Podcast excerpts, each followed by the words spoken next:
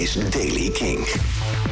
Nieuws over Liam Gallagher, Woodstock 99, Bring Me The Horizon en John Frusciante. Dit is de Daily King van woensdag 2 september.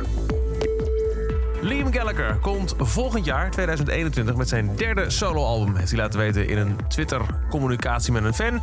En hij heeft ook al verklapt dat het eerste liedje ervan dit jaar al te verwachten is.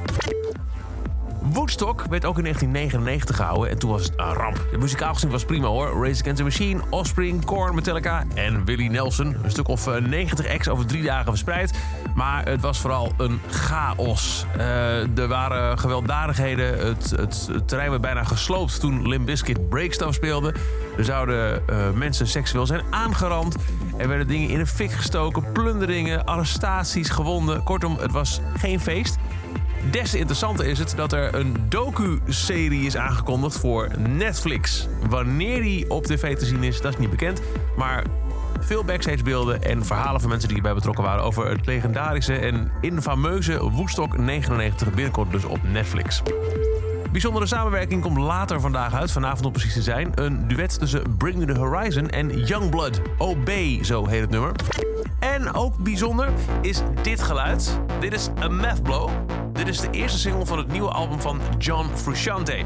John Frusciante ken je waarschijnlijk vooral als begenadigd gitarist van uh, ja, inmiddels ook weer de Red Hot Chili Peppers. Daar is hij weer bij terug.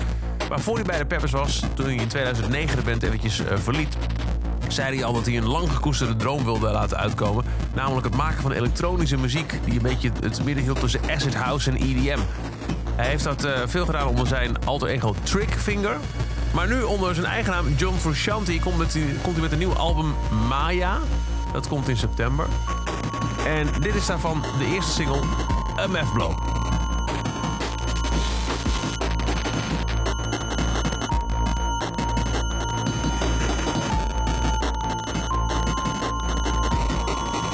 Ja, het is wel echt anders dan de John Frusciante van de Peppers. Dat is, dat is duidelijk. Maar dit is hem toch echt?